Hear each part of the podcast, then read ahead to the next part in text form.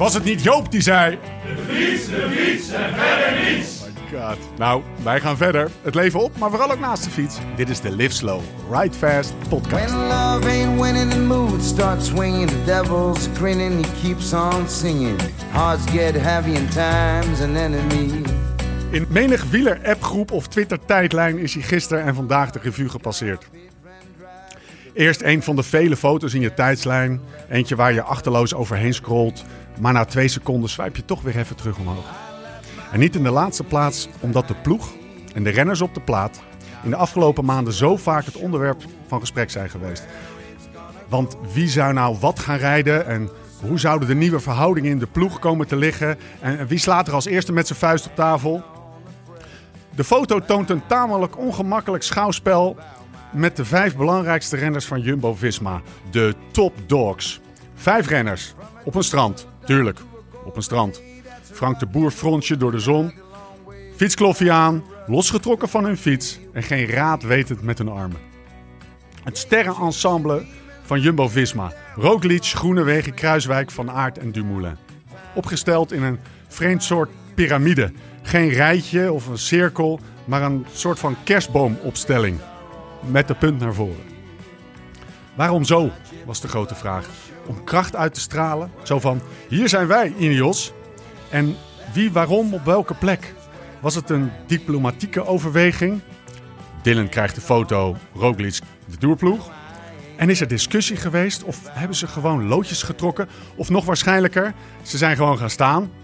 Nee, dit is Jumbo-Visma. Hier is over nagedacht. Groene wegen voorop. Die stond naar verluid al om 6 uur ochtends op exact die plek. Dan Kruiswijk en Roglic. En daarachter, laatste rij, Van Aert en Dumoulin. Van Aert met een ontspannen glimlachje, maar vol in de schaduw. En die kleine Sloveense brombeer alsof die zo uit zijn winterslaap komt. En Tom met een opgetogen houding die iedereen hier heeft op dag 1 van een nieuwe baan. Hoi, ik ben Tom, ik ben nieuw, ik heb er zin in. Ja, we gaan elkaar zeker nog tegenkomen. Het is een plaat die we er eind volgend jaar nog maar eens bij moeten pakken en op zijn voorspellende waarde moeten beoordelen. Kijk het naar wielerjaar 2019, dan klopt deze opstelling in ieder geval vrij aardig. Groenewegen 15 overwinningen, Roglic 13 plus de Vuelta. Kruiswijk op het podium in Parijs. Van Aert wint ook groots. En Tom, die was er dit jaar even niet. Maar die zal er weer staan. Klaar om eind 2020 de piek op de kerstboom te zetten. 2020 wordt een fantastisch wielerjaar. Maar eerst gaan we terugblikken op 2019. Het is de hoogste tijd voor je maandelijkse Porsche wielerpraat. Mijn naam is Steven Bolt. En tegenover mij, naast mij zit hij, Laurens Tendam. Mag ik wel zeggen.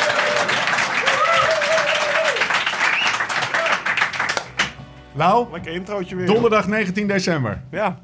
We zijn er weer. ja, we zijn er weer. Ja, we, zijn, eh, we zien elkaar weer, ja. Ja, lekker man. Vet toffe avond, man, hier.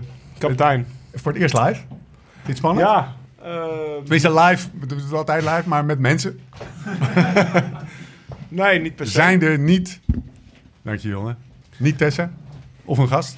Wat, nee, nee, nee, nee, nee, meerdere mensen. Maar nee, prima, joh. Tof, het is weer eens wat anders. We hebben het ook wel eens in een pizzeria gedaan, eh, bovenop, eh, of onderaan de Galibier, zeg maar. eh, met allemaal chagrijnige Frans om ons heen. Ja, die stafscherlings die... Die eh, waren niet publiek. Nee, daarom. nee, oké. maar ik vind het wel tof hier. Zeker, eh, we hebben net eh, nou ja, onze, onze eh, transit movie gepresenteerd hier. En, eh, het was een half uur doodstil. Goed teken. En eh, Ja man.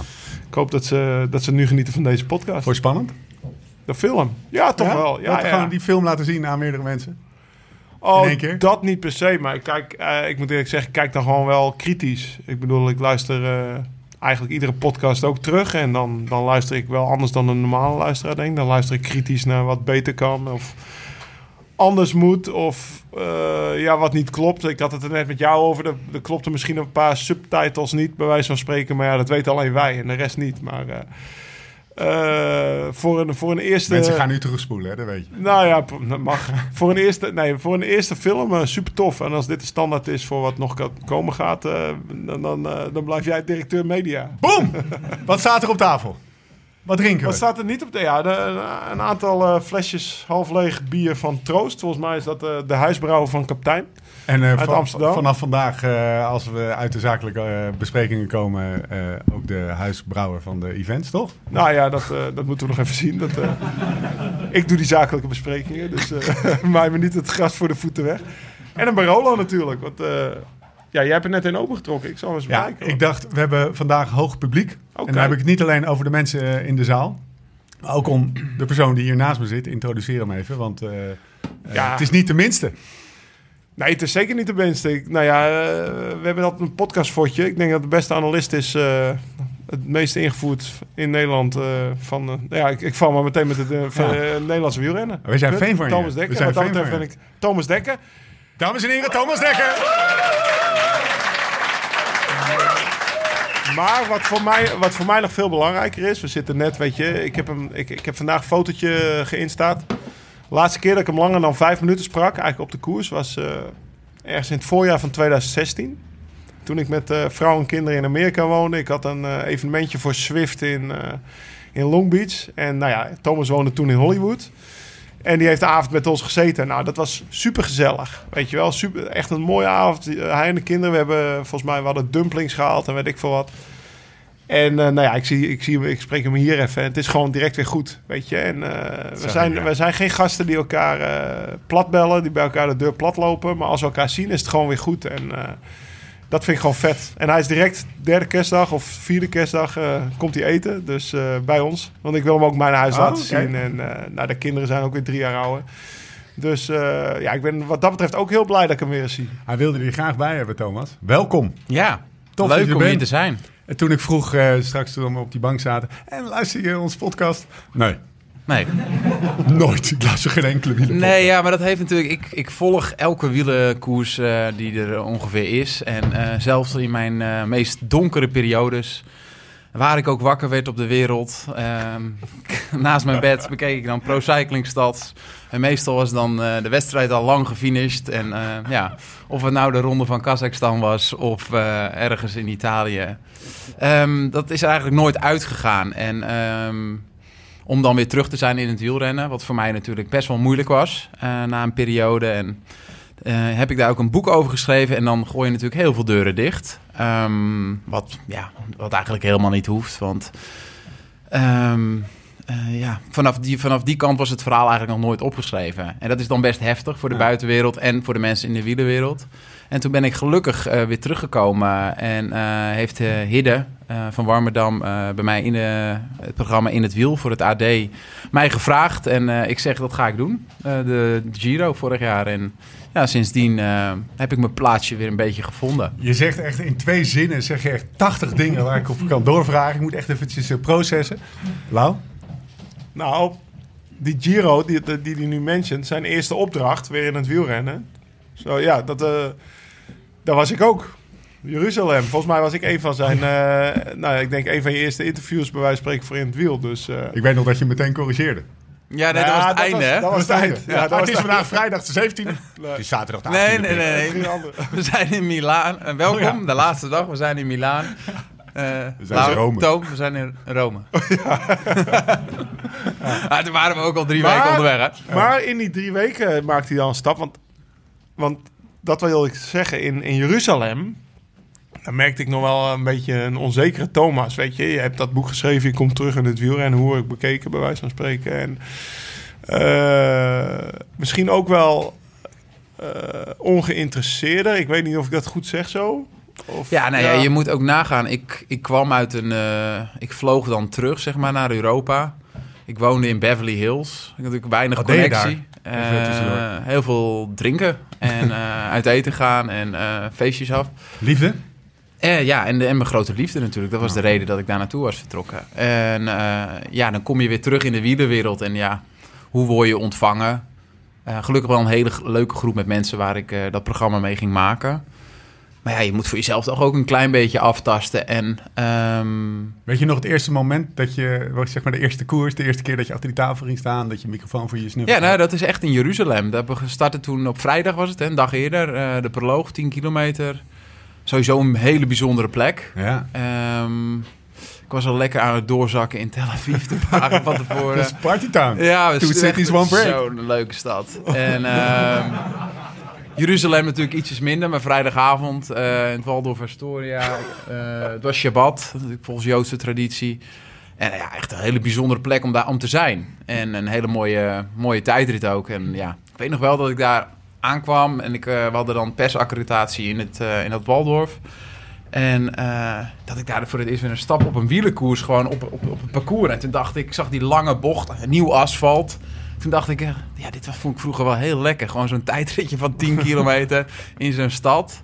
En dan begin je er weer aan. En eh, ik moet zeggen dat ik wel echt wel goed ontvangen ben ehm, Ja? door de meeste mensen in de wielerwereld. En ehm, Wat betekent dat? Gewoon een knikje of hey Thomas, leuk dat je er bent. Of, of Ja, het is natuurlijk heel grappig. Ehm, in al die jaren eh, dat ik bijvoorbeeld in de tijd dat ik geschorst ben, in de tijd dat ik weer terug ben in de koers, heeft er nog nooit iets iemand eh, tegen mij gezegd in mijn gezicht eh, over mijn verleden. En je leest natuurlijk wel veel op internet en eh, je hoort bepaalde mensen een mening hebben, maar in je gezicht iets zeggen ja. is toch eng. Althans, dat denk ik. Want dat gebeurde Nee, niet. nee, het gebeurt niet. En het gebeurt nog steeds niet. Merkt hij het wel zo een beetje? Zo van, ik kan me voorstellen dat je, Nou, dat weet je wat het natuurlijk... voor het ene gesprek. dat Weet je je- denkt van, jij zit erg met de besodemieteren. En de andere gesprek dat je denkt, nou, dit is best wel sincere wat deze... Ja, nou, ehm, het is natuurlijk wel grappig. Kijk, als je wielrenner bent en ehm, je zit in die bus en die journalisten staan daar buiten. En ehm, ja, hebben wij daar genoeg over gegrapt. Ja, ja. En eh, niet heel serieus genomen. Dus daar moest ik voor mezelf wel even overheen stappen. Kijk, Jij wist je- wat er in die bus gezegd Ja, werd. ja, kijk, Dan als je natuurlijk, eh, als je natuurlijk eh, aan het wielrennen bent... en je had aan mij vroeger moeten vertellen... jij gaat later iets over de koers zeggen. Dan ga je wachten totdat er een renner komt... en dan ga je dan iets aan vragen. Dan had ik natuurlijk ook gezegd... ja, jullie zijn knettergek. Want dat ga ik helemaal nooit doen in mijn leven. Maar op dat moment leef je natuurlijk een heel onrealistisch le- eh, leven. Je leeft in een kokon. En ehm, nu is het hartstikke leuk om betrokken te zijn bij het wielrennen. En het hele leven is bezigheidstherapie. En wij hebben geluk, het geluk gehad natuurlijk dat wij mochten wielrennen. Onze grote passie. En dat we daar vanaf een jonge leeftijd voor mochten gaan. En ondanks alle eh valkuilen waar ik in getrapt ben... is het de allermooiste sport op aarde. En dat zit vanaf een klein jongetje in je. En als je dan stopt met wielrennen... en bij mij is mijn carrière natuurlijk niet gegaan zoals dat ik wilde... eh, en je krijgt dan een kans om weer terug te zijn bij de koers... is dat prachtig. Eh, want je moet eigenlijk wel iets gaan verzinnen weer in het leven na je carrière. Kijk, Lau heeft een soort van merk opgebouwd... en is heel lang al bezig... eh, of een aantal jaren iets aan het opbouwen. En die kan eigenlijk zo doorschakelen. Maar dat is natuurlijk uniek. De meeste die moeten bij een fietsenmerk gaan werken. Ehm, die raken even het, eh, alles kwijt. Eh, die gaan iets te veel drinken. De meesten gaan scheiden van hun vrouw. Kijk, Lau heeft al die dingen niet echt. Althans, eh, Ik hoop, ik hoop het niet. Nee, maar het ziet er heel solide uit. Hè? Het is een compleet andere stop. Wat je in het begin, wat ik volgde nog een beetje tijdens die film. Hij heeft het al helemaal ingevuld. En dan moet hij niet vergeten te genieten van elke dag. En eh, we leven in het nu. En dat is natuurlijk hartstikke logisch. Maar er zit wel een plan. En ik denk als jij een structuur voor jezelf kan creëren. nadat je stopt met wielrennen. Nou ja, wat bij Lau eh, heel duidelijk is. eh, dan, ja, dan sta je alweer 1-0 voor. En dan zet je alweer een stap vooruit. Hoe was En- dat voor jou? Nou ja, ik heb echt ook ja, iets heel bizars Had jij, meegemaakt. had jij verder gedacht dan Aqua eh, Calientes? Voor de luisteraar, nou ja, je op het werelduurrecord ergens in maart 2000. 25 februari Oh, februari, 2015. Ja. Wat denk je, Lau, als je 17? mij een beetje Ja, kent? nee. Nee, nergens over nagedacht. Dus jij, jij, All in. jij gaat daar, jij rijdt daar, je rijdt 52, 200 en 210 meter. ja, je komt 200 meter tekort, zeg Ja, maar. 270. En dan, dan. Nou, ehm, ja, verschrikkelijk. Verschrikkelijk. Hoop je ellende, terug naar Nederland. Want, want je, je, je dacht, ik ga dit flikken. Nou, ik denk als ik het uurrecord had gepakt, eh, ik had ze een rondje verder gehaald, eh vooruit mijn Ah. rondje, had ik nog steeds geen ploeg gehad. En ik ben God op zijn blote knieën dankbaar dat ik geen ploeg heb gekregen. Maar toen niet. Nee, Nee. Hey, ik ga eventjes een soort van inbreken, want die, anders doen we die hele podcast. Het is wel de bedoeling dat we 3,5 uur zitten. ja. Ehm, eh, doen we de hele podcast in, eh, in, in 20 minuten. thanks voor deze preview. Lau, waar zitten we? Want die moeten we ook nog even noemen. Waar zitten we? Nou, we zitten bij kapitein eh, op de Overtoom. Amsterdamse ja, wielerzaak. Die, wij- ja, waar we vriend van de show, waar we regelmatig zitten. En eh, toen jij zei, nou, ik zou eigenlijk die transit niet beneden op YouTube willen gooien, die film. Maar eh, Ik dacht dat jij dat zei. nou ja, weet ik veel, toen wij dat zeiden. maar misschien er wel een dingetje van maken. Ja. Zoals Dennis in de film zijn, Hossel Dennis. Nou ja, doe, toen zei hij, zullen we het bij kapitein doen? Ik zeg, regelen we het. Regel het. Dus nou ja, 19 december werd geprikt en nu zitten we hier. Ja, Dankjewel. leuke film gezien, koelkast vol bier. Stapel pizza's en eh, Ja, we dachten eigenlijk barbecue te krijgen, maar het was eh, pizza, was ook goed. Jongens, wa- wanneer... eh, weten jullie nog het moment, want we gaan... Je, je hebt het over een paar dingen gehad, hè? Je hebt het over je, je wielrenleven gehad, je hebt het over je leven na het wielrennen gehad. We gaan het ook nog over het wielerjaar 2019 hebben. Dus alles komt, alles was al, is al ter sprake gekomen zojuist, maar alles gaan we in de komende, weet ik veel, uurtje of zo, hopelijk, de revue laten passeren. Laten we eerst even teruggaan naar jullie. Weet je nog, ik, stel hem, ik leg hem even hier met een soort van glazige blik op tafel. Het eerste moment dat jullie elkaar gezien hebben. ja, ik denk dat ik het weet, maar ik weet niet of het hetzelfde Hou hem nog moment even is. vast. Voor Thomas. Ehm, nou ja, dat moet in 1998 geweest zijn. Ik denk dat het bij Simlust was. Ja, zoiets. Oké, ja. Ja. Wie, wie is Siem Lust? Wie is Siem Lust? Ja, Siem komt uit Tuitje Horen. En, eh, De die, Peak 5. Oh, niet stalken trouwens. Nee. Oh, sorry. en die sleutel... Ah, dat zal ik nooit vergeten. Siem's adres. Dat Ja. was nog in de tijd ook De van Gemo Peak 5. Thuis Ja. horen. Ja. Oké, we gaan. Dat zou lachen zijn, hè? Naast de kloet. Ja. Naast de kloet. Tuurlijk. Duitje hoorn. Ja, Siem ehm, ehm, eh, was een eh, mechanicien en die sleutelde aan fietsen. En Siem kon aan elke fiets sleutelen. Eh, het maakte niet uit eh, of je nou met een... eh, met, alles kon kapot en alles werd altijd weer gemaakt. En alles was in dat schuurtje. Als jij een scheef frame had, dan werd dat gericht. Een stalen frame. Dus dan ging je gewoon eraan trekken. En zolang tot het weer recht was. Ik weet nog dat ik mijn eerste fiets had gekocht bij hem. 750 gulden, rip uit mijn lijf. Ik ga fietsen, ik, ik crash ergens. In de tweede training natuurlijk al. Helemaal voor, voorwiel krom. Dus ik, nou ja, ik, ik in tranen naar mijn vader toe, weet je wel. En die was al een beetje zo van, ja, dat fietsen kost allemaal geld. Nou ja, ik ken Thomas' Ja. vader ook. Dat zal niet anders geweest zijn daar thuis. En eh, nou ja, wij toch maar weer naar Siem met hangende pootjes. Had hij voor 25 gulden, 12 euro, had hij dat voorwiel gemaakt, weet je. Dus ik ging weer lachend weg. Nou ja, Ja. en dat was dus een, een hangout, vooral op de maandag. En ik weet bijna zeker dat ik Thomas op een maandag gezien heb. Want iedereen in het weekend gevallen was. En eh, dat werd nogal in de koers. Ja, die, op maandag eh, ging je bij Siem ging je dan je fiets Hoe ver wonen jullie van Lau, elkaar- hoe ver Lau kon natuurlijk ook niet zo heel goed sturen. De eerste Hij keer dat moest- ik hem Hij moest even vallen vanavond. nou, nou, kwam ik hem regelmatig tegen daar op maandag. ja, zeker. Maar hoe Nee, ver ik- wonen jullie van elkaar vandaan dan? 20 kilometer of zo. Ja, kilometer. ja. Ik, Dirks- woon, ik, Dirks, ik hoor. woon eh, echt eh 4 kilometer eh, van Siem En ik en, 15. en hij 15. Dus het is altijd wel wieler gerelateerd dat jullie elkaar gezien hebben. Het niet. Ja, Ja, ja, zeker. Na school- na Ja, school, je zit eh. daar op maandagavond en dan... eh, weet je, dan eh, bij Siem kreeg je altijd stroopkoeken. Van die- Ja. en een kopje thee met veel suiker. En dan ouwe hoeien over de koers van afgelopen weekend. En nou ja, Thomas is vier jaar jonger dan ik. Dus we, tot de amateurs eigenlijk hebben we nooit samen bij elkaar in de ploeg gereden. Maar eh, nou ja, ik weet nog wel, Thomas was... eh, Ik begon hem wel bij de junioren af en toe al een beetje pijn te doen. ja, samen trainen deden we wel. En eh, nou, ik, woon, ik woonde al in Limburg. En Thomas was tweedejaars junior. Dus dan kende ik hem eigenlijk al drie, vier jaar, denk ik. En toen ging je het WK rijden. Ergens in, volgens mij in Oh, Portugal. Lissabon. Ja, Lissabon. Maar voor het WK moest hij nog even een goede trainingsweek maken. Kwam hij met de trein, eh, want ja, geen rijbewijs. Kwam hij naar Maastricht toe. En daar was, 3 uur en 48 minuten van Schagen naar Maastricht. Ja. En daar stond Lau dan. Ja, met nou, zijn gele, gele autootje. Met zijn gastank achterin. In een Ook voor het anti-kraakval. milieu. Ja. En toen al op aardgas.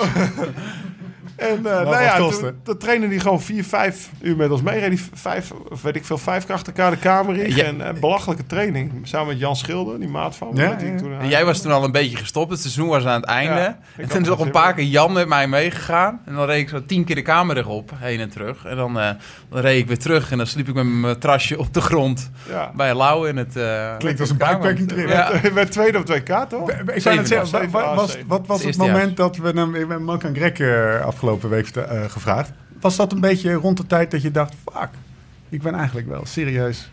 Ja, Goed. al- als eerstejaars junior ehm, eh, ja, begon dat te komen. En toen was ik ook de enige die niet bij Rabobank reed, die naar het WK mocht. Ja, en als tweedejaars junior eh, ja, was ik echt veruit de allerbeste in de wereld. Eh, toen reed ik 60 Deze koersen. Limburg. Ja. Kunnen, wij, kunnen wij dit bevestigen, meneer Ten Dam? Nee, ja, ja, Deze uitspraak? Hij werd twee keer tweede op 2K als... eh oh nee, was Dat deed- was als eh, belofte, als maar, eh, maar- Bij de junioren reed ik toen eh 60 koersen. Ah ja, dat was het. Toen een week voor het WK viel hij al wat tanden uit zijn mond. Ja. volgens mij, ja. Weten jullie, weten jullie eigenlijk hoeveel dagen je samen in koers bent geweest? Toch even Heb je het die, eh, de administratie. Zeker. Nou, Zeker.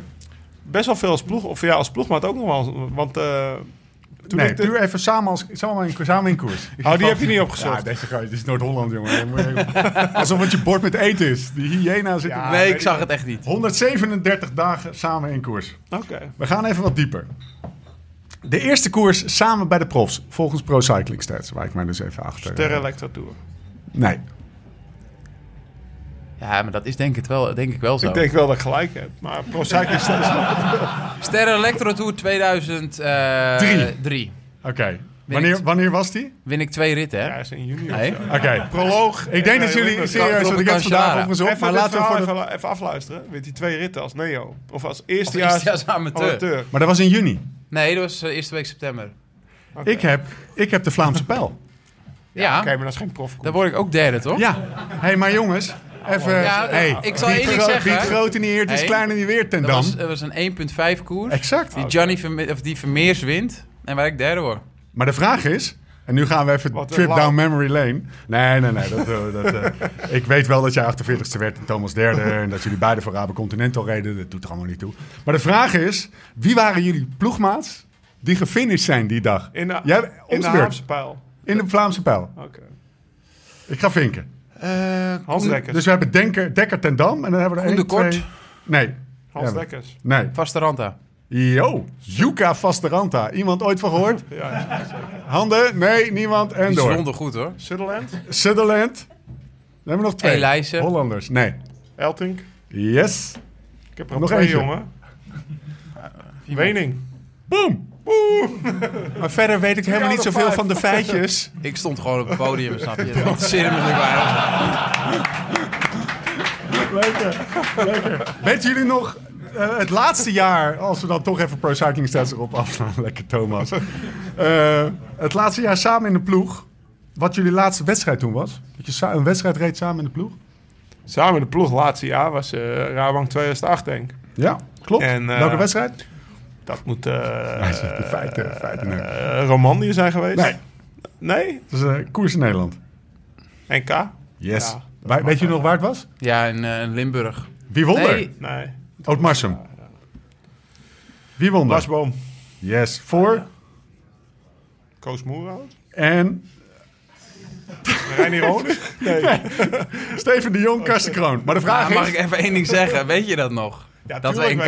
Ja, dan werd ik als enige op een aparte vleugel gezet. Hoezo? Nou, omdat ze van me af wilden. Echt, eh, toen gingen ze niet met mij praten. En toen ging ik uit protest gewoon starten. Dit was nog Continental, toch? Ra Nee, nee, nee, nee, de Rabobank profs gewoon. Wel de profs. prof. Ja, Dit was toen Thomas... eh, schommelende bloedwaardes. bij- ja, de schommelende bloed. Het klinkt als een sprookje. Hoe ging dat? Hoe ging dat? Zo van eh, Thomas eh, B-vleugel, Ten Dam, C-vleugel. Ik weet nog dat ik eh, s s'avonds niet kon slapen. En ik, eh, ik liep over de gang en ik ging even bij Gerben Leuwen kijken. En ik kom daarna, in, mijn- in mijn onderbroek liep ik over de gang. Dus ik even bij Gerben en ik zeg, ik lig helemaal Benen alleen. en een C-vleugel in zijn onderbroek. Ja, ik lig helemaal alleen. En eh, ik vind dit echt niet normaal. en toen kwam ik terug en toen kwam ik Erik Breuking. Die kwam op mij afgelopen met nog iemand. En niemand zei ook iets tegen mij. En ik liep gewoon in mijn onderbroek Ah, ja. om 11 uur s'avonds. Heel Nee, apart. Hij was een beetje bandeling toen. Want, eh, Hoe heb jij dat ervaren? nou ja, zo. Wat, wat, wat, is, wat is gewoon... Eh, volgens mij is in september zo'n contract ook ontbonden. 15 Uit mijn- augustus. Ja, nou ja. Ik zat er een half maandje naast. weet je, dat- kan je dat nog goed voor de geest halen, die tijd? Was dat, is ja, dat zeker. Nou ja, kijk, weet je, ik was toen eh, gehaald eigenlijk ook als superknecht van Thomas. Of nou, niet per se... Ja, maar Ja, ze- laten we wel wezen. En eh, nou ja, het hele verhaal Lag van... je nou om knecht of om superknecht? nee, ja, ik vind het op zich eigenlijk wel, wel grappig klinkt. Ja, dat klinkt zeker goed. Nee, maar eh, ik lag dus eigenlijk lag ik tot die tijd ook bijna altijd met Thomas op de kamer, denk ik, op de koers. Nou. Ik bedoel, ja, het hele verhaal van de Amsterdam Cold Race, dat is in zijn boek eh, uitgespit. Dus Ja. wat dat betreft eh, geen geheim. En volgens mij zelfs toen nog, eh, omdat ik net de Ronde van Romandie zei, dat is dus de laatste, in mijn ogen, echte koers die we toen samen gereden hebben. Dat is namelijk nog wel een mooi verhaal. Dat was een koers dat eh, Thomas zich onkwetsbaar voelde ook bijna. En eh, toen zei hij tegen me, Lau, ga maar op kop rijden. Ik ben goed. Weet je toch? Ja. weet, je, weet je wel. En ik, eh, nou, ik denk, ja, Thomas kreeg altijd wel moraal van. Want dat was als zo'n kopman. Of ja, altijd wel moraal van. Hij was eigenlijk, de roman is in mei. Dus hij was drie maanden echt mijn, mijn kopman geweest. Maar Thomas die straalde wel een soort zelfvertrouwen uit. Waar je als, eh, als, als knecht Geen je harder van fietsen. ja, omdat hij gewoon zei, ja, alles leuk en aardig, maar eh, ik ga je de boel oprollen, ik ga je de koers winnen. Nou, dan doe je, dan wel net een trapje harder dan iemand die zegt, ja, ik weet het niet hoe ik me voel, of dit of dat. Dus hij zei tegen me, dan, eh, ik, kan ook, dat, Cobra-verhaal van Rico, dat was in de Ronde van Baskeland ook, dat hij tegen me zei, ga maar op kop rijden. Maar dat, dat had hij in Baskeland gezegd, dat was wel mooi, daar zei hij de hele week, wauw, ze weten het allemaal nog niet, maar in de laatste tijdrit rol ik ze allemaal op. Als jij nou gewoon zorgt dat ik de laatste dag in dezelfde tijd sta als, eh, als die mannen, dan, eh, dan win ik hier de koers. Komt erdoor, laat ze maar op kop rijden, weet je wel. Want... En uiteindelijk werd je tweede in die tijdrit, denk ik. Ja, Ja, en eh, ja, oh, ik heb ook wel, toen was hij ook erg teleurgesteld. Dat weet ik ook nog. Ik heb nog nooit iemand zo Wat is, teleurgesteld. wat is jouw versie van het verhaal? Was je ook echt zo overtuigd? Was het gewoon intrinsieke motivatie? Ik ga, gewoon, ik ga winnen? Of was het, gewoon, was het ook gewoon de Thomas Dekker van die tijd? nee, ja, dat is echt wel... Dat hele, Je was wel overtuigd, hè? Ja, maar dat kwam ook. ehm, ik had best wel een moeilijke winter toen. En toen schoot ik weer in gang. En ja, ik had echt best wel veel talent. En ik, ik reed altijd snel weer hard. En ook als ik ga kijken achteraf met welke preparatie ik dat deed. Kijk, dat mocht natuurlijk allemaal niet. Maar dat viel eigenlijk best wel mee. Eh, qua hemotocriet waarde. En ja, Lau is natuurlijk in, een, eh, in dezelfde tijd eh, wielrenner. Maar ja, ik lag natuurlijk ook vaak met andere mensen op de kamer... die er wel heel veel verstand van hadden. En dus ja, da- daar raak je best wel, best wel snel professioneel in. En ehm, ja, Castilla Leon was de week voor eh Baskeland. waren vijf ritten. En in elke rit werd ik tweede en derde. Of het nou een massasprint of een tijdrit of bergop was. En ehm, dus ik ging met heel goed gevoel ging ik naar, naar Baskeland. Ondanks die rare winter. Maar je wist ook gewoon... Je, had- je, je had er naartoe gewerkt. Ja, maar eh, achteraf was het gewoon ach, één zakje bloed. Ja. En eh, ik kende natuurlijk, later krijg je er nog meer verstand van. Ehm, ja, de meesten gooiden er toch in die tijd eh, twee of drie in. En ehm, ehm, ja, heel veel, een combinatie van alles. Zelfvertrouwen, doping. eh, Talent. talent.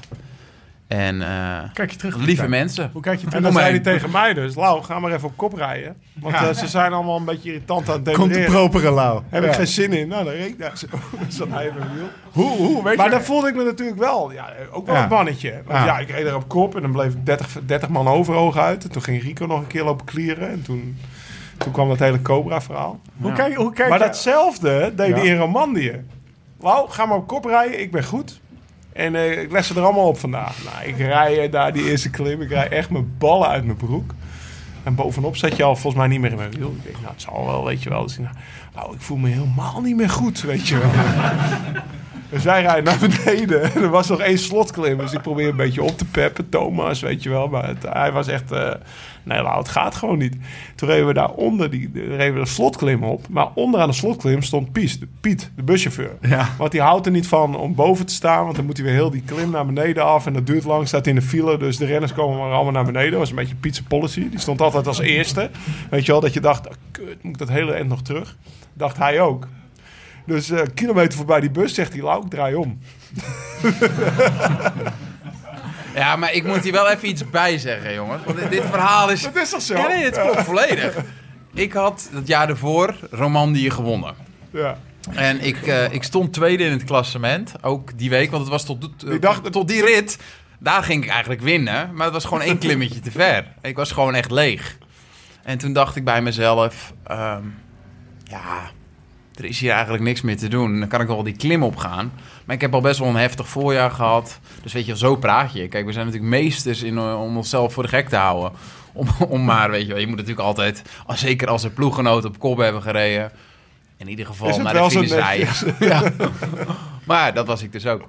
Ja. Wat samen. Dus toen stapte hij af. En op zich, ja, weet je, als hij toch de koers niet kon winnen, maakte mij niet zoveel uit. Maar ik weet nog wel, de ploegleiding die is toen, de- die, die, eh, die, die zijn er echt uitgeflipt tegen je. Nou, ik zat s'avonds op een station in Sion in mijn eentje. Gewoon gezellig. Nou, echt op een station, weet je, waar gewoon zonder stationshal, gewoon buiten met mijn koffer. Hoe anders waren De jullie, grote Thomas Dekker stond buiten met zijn koffer, de katten niet, Nee. jongen. hoe anders waren jullie levens op dat moment? In 2008?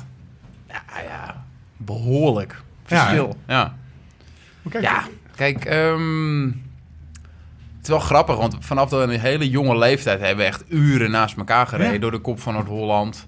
En ik denk dat er nog nooit een onvertogen woord echt is gevallen.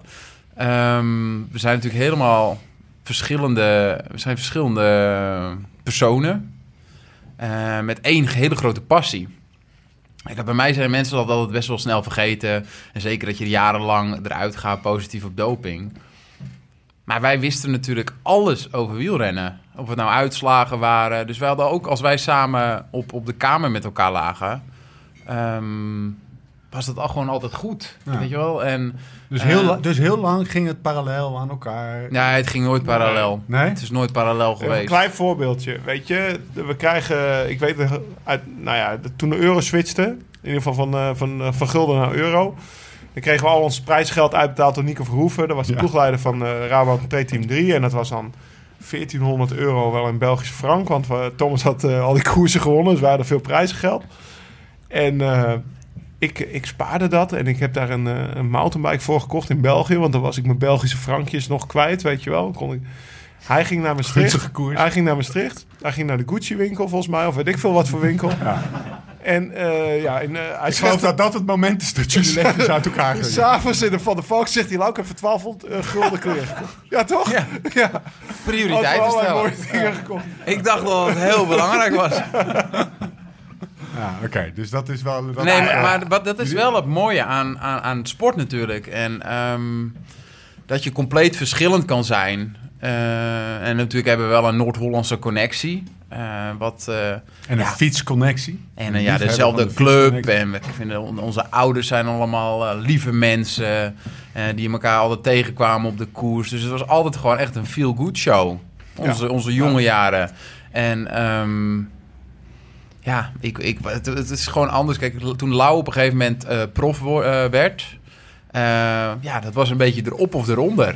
Ja. Eh, dat ze hem, eh, dat ze hem eh, ehm, eh, kozen. En Lau is natuurlijk altijd een hele aardige gast... die altijd werkte en altijd zijn best deed...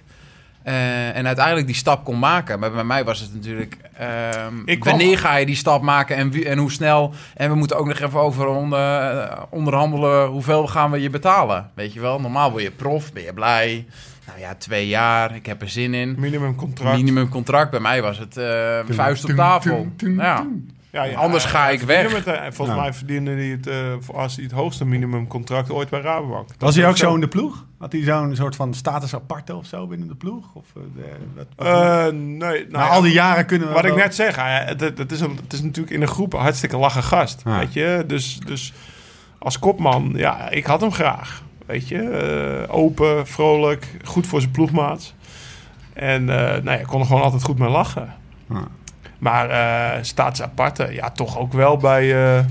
ja, wat, wat, wat Thomas zei, ja, maar toen zat ik niet bij me in de ploeg. Ik ben pas, jij bent prof geworden uit mijn hoofd 2006? Vijf. Vijf al, ja, vijf. En ik kwam pas in 2008 weer bij de ploeg. Dus dat was al heel anders. Kijk, toen had hij de Tour in 2007 al gereden. Ja, Toen was het de gewoon- Tour van 2007. Ja, ja. nou ja, de, de, de, de, grootste kopbeurt ooit eh, eh, in de etappe naar de Obisque. Kijk je dat eigenlijk nog eens terug of niet? Nee. Serieus, nou, Thomas? Nee, nee, nee, serieus. Nee, ik heb Nee? nog nooit ook een... eh, Even leg even uit voor de mensen die niet... eh, wat, waar, of zo, oh, ik kan het ook doen hoor, maar er was Ja. inderdaad de Tour-etappe naar de. Rasmus in het geel. Rabobank wordt op kop gezet. Was echt, eh, dat was in de tijd dat eh, de, de Nederlandse wielrenners niet... eh, zeg maar in de rij stonden om de Tour te winnen, om het zo maar te zeggen. En toen kwamen jullie allemaal met die witte schoon ge- gewassen sokjes, jij een Bogert, shirtje open, een beetje zo in de verte kijken. Terwijl, de, terwijl hè, dat, was, dat was mooie televisie, Thomas. Ja, Het Dus dan, vandaar dat ik vraag, kijk je dat er wel eens terug? nee, nee, nee. Ik kijk het echt niet terug. En als dat wel... eh, natuurlijk is dat af en toe eens een keer voorbij gekomen. Ehm, maar ik heb ook heel veel verdriet en pijn daarvan gehad, hè. Nadat ik gestopt was. Ja. Want als je... Kijk, er zijn natuurlijk heel veel eh, renners die doping gebruiken. eh, en eh, wat in die tijd ook wel meer gewoon was. om prof te worden of te net te zijn of hun werk te kunnen doen.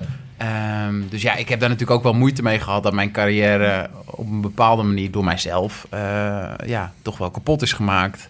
En ik heb nu pas de laatste jaren, als ik dat soort dingen zie, ehm, dan is het een stukje op Studio Sport. Ja, ik zou niet weten waar ik dat hele stuk zou kunnen terugzien, maar het ja, was een heerlijke dag. ja, 100 kilometer denk ik. En Ja. ik heb gewoon niet één keer gevraagd of er iemand overnam. Godverdomme. Ja, Kijk je die documentaire, want die heb ik eh, gisteren namelijk nog even gekeken. Niemand kent mij. Ja, Daar gaan we het toch even over hebben, vriend. toch een soort van... eh, ja, als je- Holy fuck, als- iemand zich slecht voelt- figuur.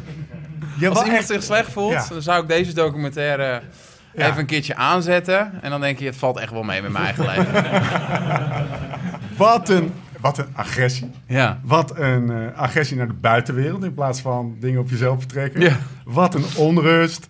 Dat lekker, wat ik wel mooi vond, is dat Luca. Ja, mensen gaan kijken, we zetten hem in de show notes. Maar dat, dat even lekker. Je woonde. Cecchini had een, de, de, de, de, de Italiaanse trainer, zullen we maar even zeggen. Hij had een mooi appartementje voor je geregeld.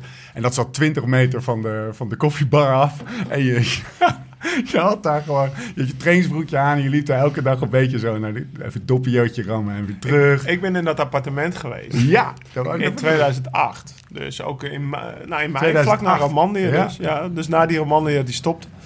Ik ging daar een week trainen in, eh, bij Thomas. Ik doe daar dus die, die, die, die, die kast onder de grootste. al. Ik was op zoek naar pannen. Hij woonde er al twee jaar. Twee, die pannen waren nog nooit gebruikt. Dat was, dus ik, ik ben de eerste die in dat appartement ooit een ei heb gebakken. Ik zei, Thomas, zullen we gewoon even een eitje bakken en zo. Oh, lekker. Ja, ja, doe Kan je dit bevestigen? Ja, ja. Dat zeker. was Wat voor Thomas. leven leidde je daar dan?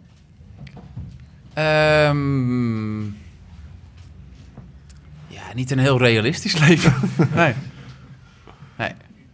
Nou, tot op de dag van vandaag heb ik nog steeds niet gekookt hoor. Dus ik, heb nog, ik probeer dat nog steeds heel goed vol te Heb je, houden. heb je dat... Nee, even een paar... Heb je wel eens eh, een boodschap gedaan? Ja, of heb je er... Gewoon eh, in de supermarkt. Ja, één keer in de zoveel tijd haal ik wc-papier en eh tandpasta en een deodorantje. Maar no- het is nog steeds alles uit lunchen, alles uit eten. Nou, ik heb heel veel lieve mensen om mij heen. Ja, in die, in die buren, overburen. Want je had op een gegeven moment... iets- Je had, je had een operatie gehad in je knie. Eh, sorry hoor dat ik je onderbreek, Ja. maar ik moet er gewoon even kijken. Eh, je had een, je had een, een eh, blessure je knie, je had een kijkoperatie gehad. En je zei inderdaad, zo, of sowieso viel, viel me al op... dat je, het, je zeg maar, de hulp die je ontving in je leven tot die tijd lekker liet welgevallen. Dus zo van, je kwam op een gegeven moment... In België zat je bij die familie en dan liet je je croissantje lekker brengen. En je zou in meerdere scènes, en dat heeft die, dat heeft die documentairemaker heel mooi in beeld gebracht... liet je gewoon alles lekker naar je toe brengen, zeg maar, terwijl je zat. Geen dankjewel of zo. Cecchini kwam nog even een, eh, een lunchje brengen of zo. Dat is echt, en dat is mijn punt een beetje... Wat een verschil tussen die gozer die mij vanavond hier in zeg maar, een soort van rust die je uitstraalt. Nu ook, nu je naast me zit. Je straalt rust uit. Zo doe je ook in de, in de, de, zeg maar de AD-analyses die je doet. Je bent vrij. Je bent niet meer die... Ja, in, die, in die documentaire ben je heel verkrampt. Wat is er gebeurd? Dan kom ik tot mijn punt. Sorry allemaal, knippen we eruit. Wat is er gebeurd in die tussentijd? Weet je, er zit gewoon een ander mens. Ja, Vind ik echt bizar. Nou, er is heel veel gebeurd. Ehm, heel veel aan mezelf gewerkt. En ehm, ja, als je ook gaat kijken naar al die dingen, dat is natuurlijk allemaal niet normaal. je kunt er wel om lachen, maar waarom overkomt mij dat? Ja, dat overkomt je met dat je dat aantrekt en ja, een bepaalde energie aan geeft. En ehm, ja, dat is dus schade en schande misschien wel. En ehm, ik ben ook ondertussen eh, helemaal gestopt met drinken. Dat scheelt bij mij ook heel veel. 15 maanden. Eh, dat zeg je dan zo, hè? 15 maanden. Ik zeg niet een jaar en drie maanden. Ehm, ja, dat bevalt allemaal heel goed. En, eh, Was dat moeilijk? Totaal niet. Nee, ik was er echt klaar mee. Maar hoeveel dronk je? Zeven dagen per week. Ja, oké. Ehm, Dat doen wij ook. Ja, niet zo moeilijk, man. nee, ja, maar het Lau echt in een hele andere setting als dat jij doet. En, ehm, Vol gas. Nou, vaak wel, ja. Ja, Uitgaan. ja dat, eh, dat sowieso altijd, ge- altijd gezellig eten. En eh, dan door. Waarom ben je gestopt daarmee dan?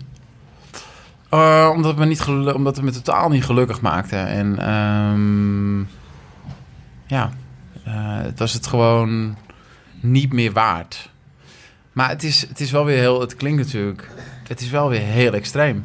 Het is ook weer extreem. Om niks meer te om drinken. helemaal niks te drinken. Ja. Ik kan ook echt niks drinken. Want het heeft gewoon helemaal eh, voor mij eh, geen nut. Ik zou het heerlijk vinden als ik één of twee drankjes, eh, zeven dagen per week, een wijntje. Maar dat werkt gewoon niet bij mij. Dus dat is, dat is niet leuk genoeg.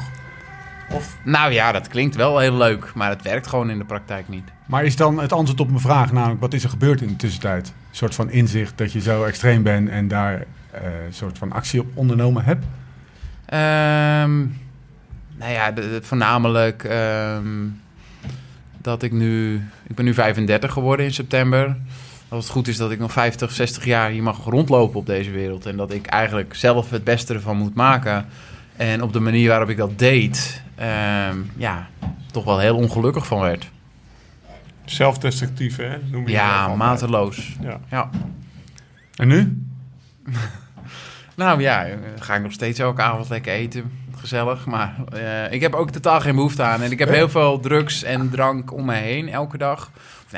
Drugs elke Dat dag. is ook al best extreem, wat je niet zegt. Eh, ik heb niet zo vaak drugs om me heen. Nee, nee, maar dat heb ik natuurlijk wel. En, ehm, Natuurlijk. Ja. ik ken mensen die heel veel drugs gebruiken. Eh, ehm, maar dat is prima, weet je. Ik heb ook totaal niet veroordelend en eh, ik doe het voor mezelf. Nou ja, Dus- dat is een beetje hetzelfde. als Wat jij nu hebt, dat is een beetje hetzelfde als, als wat ik in 2008 had. Ik had ook heel veel mensen met, eh, nou ja, drank en drugs kan je dan vervangen voor doping.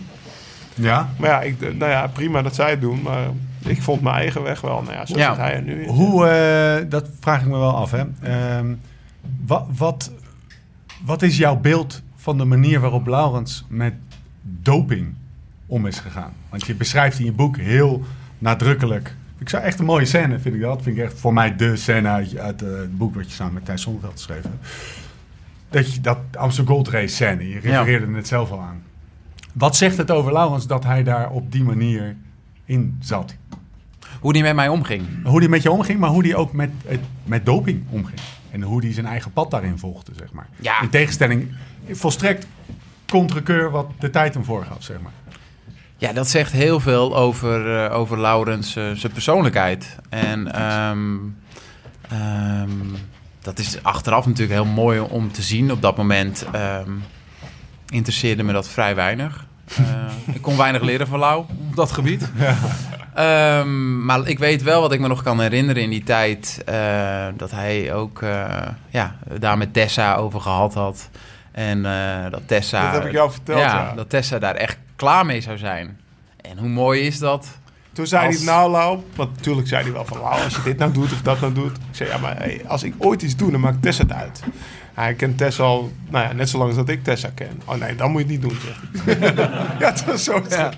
Nee, maar dat is, Dat is wel heel, maar wel heel, heel, heel mooi natuurlijk. Het is bijna een sprookje. Ja. Dat je gewoon Maar, maar, je jouw hebt- vrouw die je op de middelbare school ontmoet. Ja. ehm, maar dat, dat is het, oké. Dat, het vind ik heel mooi. Dat is ook mooi, dat, dat geloof ik ook echt. Maar ik ben vooral benieuwd, hoe keek je er toen naar?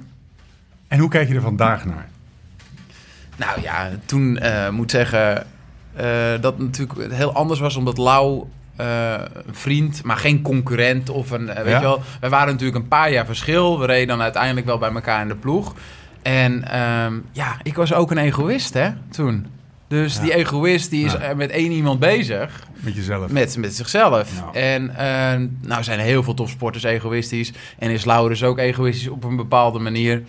Eh, maar ik had, bij mij was, het, eh, was er geen, geen tussenweg. Dus weet je wel, ik had het al druk met mijn eigen leven. Ik was ook aan het huilen af en toe en mezelf gek aan het maken en, en zorgen aan het hebben. En dan is het natuurlijk heel degelijk al- als je gewoon een, een hele sterke Lau die op dat gebied daar nee tegen zegt. Ja. Ja. En, En, nee, eh, het gaat heel soepel. Bitterballen. Wacht even, dat maakt allemaal niet uit. Steve, geef een teken als je op 15 minuten tot het einde bent, dan bestel ik de bitterballen. Ja. Voorlopig dan niet. Over drie kwartier bij de eerste vriend. Eh, mooi, Thomas. Eh, Nee, maar ik ben eigenlijk wel benieuwd naar Ben. Want eh Thomas, die vertelde, je vertelde net dat verhaal van die Brabantse familie, Kees Ja, en Karin, ja, ja, zeg maar. ja. En dan eh weet Kwam ik dat in hij daarna, heel erg. Ja, daarna is hij naar Hollywood gegaan. Daar is hij waarschijnlijk ook verzorgd. Nu, wat je zei, hoe trek je dat aan? Dat Ja. mensen, eh, dat je Ik- het nog steeds nooit hebt gekookt. Ja. Ja, nou ja, dat, dat- ik denk dat ik ook heel veel, heel veel energie geef. En ik sta op, op mijn manier natuurlijk wel altijd klaar. En ook Ik stond ook eitjes voor te bakken, zeg maar. Ja. Ja. nee, nee, maar op de een of andere manier... ehm, ik ben natuurlijk nog steeds goed met Kees en Karien. En ehm, ehm, Leg even uit wie Kees en Karin Kees en eh, zijn mensen waar ik heel lang bij in huis heb gewoond. En ehm, ja, die eigenlijk een soort van tweede vader en moeder zijn geworden. En in de moeilijkste periode dat mijn ouders eh, ja, toch wat minder waren, ook omdat ik in het buitenland woonde of eh, in de buurt van Eindhoven vertoefde. eh, ja, dankzij die mensen leef ik nog. En eh, die hebben echt. eh, Maar dat zeg je nu zo, maar wat was er anders gebeurd? nou, dan was het niet goed afgelopen.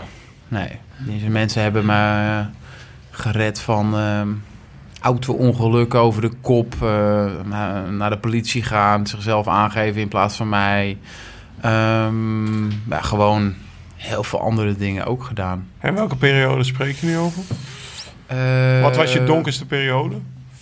Mijn donkerste periode. ehm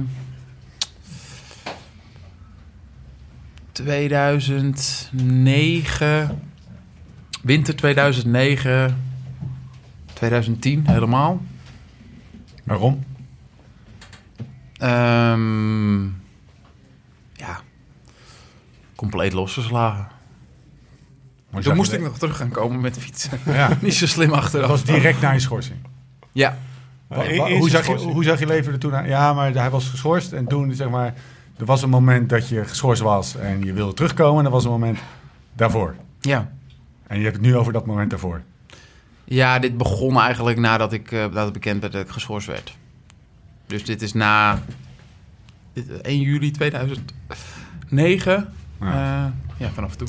Wat is het verschil, even, wat is het verschil tussen gewoon een kerel van jouw leeftijd die gewoon lekker gaat partyen in eh, Italië of wat dan ook? Nou, er zijn heel veel mensen die partyen op, op, op mijn manier hoor. Als Ja. je gaat kijken wat Ja. mensen. Ik denk als je van elke student een ehm, ehm, tegenwoordig, ja, vroeger ook. Ehm gaat bijhouden hoe hij zijn studentenleven leeft. Het is niet zo heel veel anders. Is geen voorwaarde voor ongeluk. Ik was bekender en, en ik had misschien iets meer geld te besteden. Maar over het algemeen eh, zijn er heel veel mensen die partyen zoals dat ik het deed. Nou. Ja, dus dat, dat, nee, dat is natuurlijk... Ja, ik had dan wel dat ik altijd nog in een auto stapte. Super stom. Ehm, nergens bang voor. Dus echt nergens bang voor. Dus dat maakte niet uit met welke club ik was. En eh, ik had natuurlijk overal altijd de beste tafels. De mooiste vrouwen. Dus ja, wel een heel groot ego gerelateerd leven. Nou, dan ben je Ja. wel een ander leven dan Ja. lauw geleid. Als ik dat Ja. zo mag zeggen. Hey, mogen we... maar to put it mildly. Ik wil even naar een bepaald moment. Namelijk in die docu. Dat is echt, mensen, ga die docu kijken, want het is echt heel vet. Ehm, is er een moment dat je met Jonathan Walters in gesprek gaat? Ja. En dat vind ik echt een mooie vent. Ja. Is dat een mooie vent, Thomas? Ehm, ja, een hele aardige vent. Er zit geen kwaad in. Ehm, ik denk ook niet dat je de oorlogen mee gaat winnen. Ehm, Permission to speak freely. ja. Maar ja, heel, heel dankbaar dat hij me die kans eh, heeft gegeven. Eh, op dat moment. Er was op dat moment... eh, waren heel weinig opties. En ehm, ja, ook echt een Amerikaanse wielerliefhebber. Een beetje een ander eh, niveau, denk ik, over hoe wij over wielrennen denken en zien. Eh, maar wel een heel groot hart en een goede, goede man. Zie je die periode als een soort opleving? Of als, ik probeerde Ah. het, maar ik liep tegen de muur aan? Nou ja, ik won ook gelijk wel weer een wedstrijd. Hè. Mijn Sartre? eerste wedstrijd. Oh, ja. eh, ehm, eh, kijk, ik werd ook gewoon nog 15 in Luik, Bastenaken, Luiken zo, weet je. Het is allemaal heel... eh, het is geen reet voor natuurlijk. als, als je daarvoor... Ik ben het nooit geworden hoor. Nee, ja. nee, dat was natuurlijk allemaal... Maar, maar wat, wat, wat mist hij in die periode wat je daarvoor wel had? Want daar Nou, ben ik benieuwd ik moet ik moet gaan hebt hetzelfde kijken. talent, toch? Ja, ja, zeker. Dus wat- nou wat- ja, die, die, wat ik net vertel, die 2009 en 2010, die zitten er natuurlijk Kan je voor. zoveel kapot maken in twee jaar feesten? Denk je dat echt? Nou, nee, want ik begon... Lichamelijk? Ik begon natuurlijk in Qatar en daar reed ik gelijk eigenlijk wel met de eerste weer mee. Ik won mijn ritje in Sartre, klassementje. Eh, ik denk dat er uiteindelijk gewoon iets gebroken in mijn hoofd is. En dat het uiteindelijk, dat die ploeg waar ik in zat, ehm, dat ik daar niet zo heel goed ook in rendeer. Dat Te ik toch- vrij. Ja, dat ik toch wel met mijn Rabobank achtergrond vanaf de junioren, daarvoor René Kors, eh, schema's, eh, da- en daarna zelf naar Cecchini gegaan, elke dag. En dat ik daar, eh, dat ik het daar verloren heb. En ik ben altijd te zwaar gebleven. Nou, dat, dat weet ik zeker. Dat Ja. weet ik wel zeker, ja. Ja, Veel te zwaar. veel te zwaar. Ja, Je was dik 70 kilo. ja. Maar dat was je, want toen je echt goed... Ja, nou ja, toen hij echt goed was... ik moet ja, ineens aan die, 7, eh, 68, Dion van ja. Bommel, die, die, eh, die ook die... eh, die, die nee, maar ja, in goede tijd was je 68 Ja. kilo. Is twee kilo En, en hoe kwam dat? Hoe kwam dat? Heb, ben je daar nooit mee bezig geweest Nee, in je en ook nooit iemand zag? iets over gezegd. Ik ook niet. Nee, ja, maar ja, je bent een halve anorexia patiënt. Volgens mij heb ik het Ik wel ga nu opeens naar Laurens luisteren. Volgens mij heb ik het wel gezegd. Ja, nee, maar eh, ja, dat... dat, dat nee, achteraf is dat de grootste. Want dan had ik natuurlijk ook... ehm, dan, dan rij je wel de, vijf, de top 5 of 10 in, in Luik, Amstel. Als je al 15e wordt, iets te dik. Zonder doping. Dan kan je natuurlijk als je... eh, ja, het heeft allemaal niet zoveel gescheeld, maar het heeft zo moeten zijn. Want ik denk, als het allemaal niet was gebeurd, was ik echt een vreselijke jongen geworden. of gebleven. Ja, Ja, dus denk je, hebt, er- echt. je hebt er geen spijt van. Nee, joh, ik heb helemaal nergens spijt van in mijn leven. En Want als we dingen anders moeten doen, eh, mogen doen... Ja, dat, dat, zo werkt het toch niet, snap je? En ehm, ik zeg wel eens... eh, stel je voor dat ik nooit gepakt zou zijn... en ik zou zo door zijn gaan... aan hoe een rancuneus mannetje ik geworden was. Ik had Thijs Zonneveld omgelegd, denk ik. Met z'n- met met zijn geschrijf. Ja. Nou ja, nee, we, zijn het, we zijn het heel vaak eens en we zijn het ook vaak oneens. Maar nee, dat, dat is- stel je voor dat je zo'n vervelende journalist op dat moment met mijn ego achter me aan had gehad. ja, dat had je niet getrokken. Mooi Nee. verhaal, Thomas. We, we, we Gaan we hebben- analyseren? Eh, ja, want we, we, we gaan het zo meteen nog over de toekomst hebben. Want ik ben ook benieuwd hoe je daarnaar eh, kijkt. En hij ook. Maar we zitten hier ook. En dat, dat is... ehm, eh, nee, we zitten hier ook om op 2019 terug te kijken. Eh, want we hebben nogal een wielerjaar achter de rug. En nou zag ik een heel mooi wielerlijstje op eh wielerflits.nl. Dus dit is ronduit gejat. Ik ben gewoon even benieuwd welke jullie eruit pakken. Ik, noem, ik noem ze eerst even op. Ik weet de voorkeur van Laurens. maar Ik ben heel benieuwd naar die van jou. Voor Laurens is het een no-brainer. En die gaat het zo brengen. Maar ik ben benieuwd naar zijn argumentatie. Ehm, Komt-ie. Het wielermoment van 2019, mensen. 1. De sprint van Mathieu in de Amsterdam Gold Race. Hebben we hem nog? Hebben we hem nog? Sorry, even, Meer even nog. nee, Ja, stop maar, Nee, dit, is, dit is manipulatie. Komt u weer met zijn nou. hele verhaal? Wat Twee. De gele sprint van Mike Teunissen in de Tour de France. Gematigd enthousiasme, technisch sterk. De opgave en tranen van Thibaut Pinot in de Tour de Nee, France. joh, alsjeblieft, stoppen nou. Ja. nou ja. Valpartij van Wout van Aert in de Tour de France. Ja, we zijn De ook, solo mogen, wij, mogen ook nou een keer nee, zijn? ik, ik, noem, ik, ik, ik noem ze eerst even. Dan kunnen we daarna... Want eh, daardoor beleven we het wielerjaar toch even. De, eh, de solo van Thomas de Gent in de Tour de France. Dat is toch niet te onderschatten, jongens. Eh, de annulering van de 19e Tour-etappe naar Tienje was ook een momentje. Hè?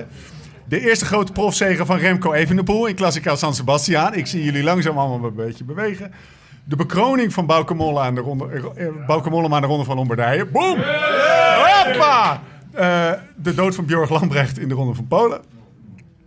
Of een ander moment. Bijvoorbeeld Alaphilippe in de. Tour. Van Aert in Albi. Jumbo-Visma die eh, alles bij elkaar wint. Mag ik hem aftrappen?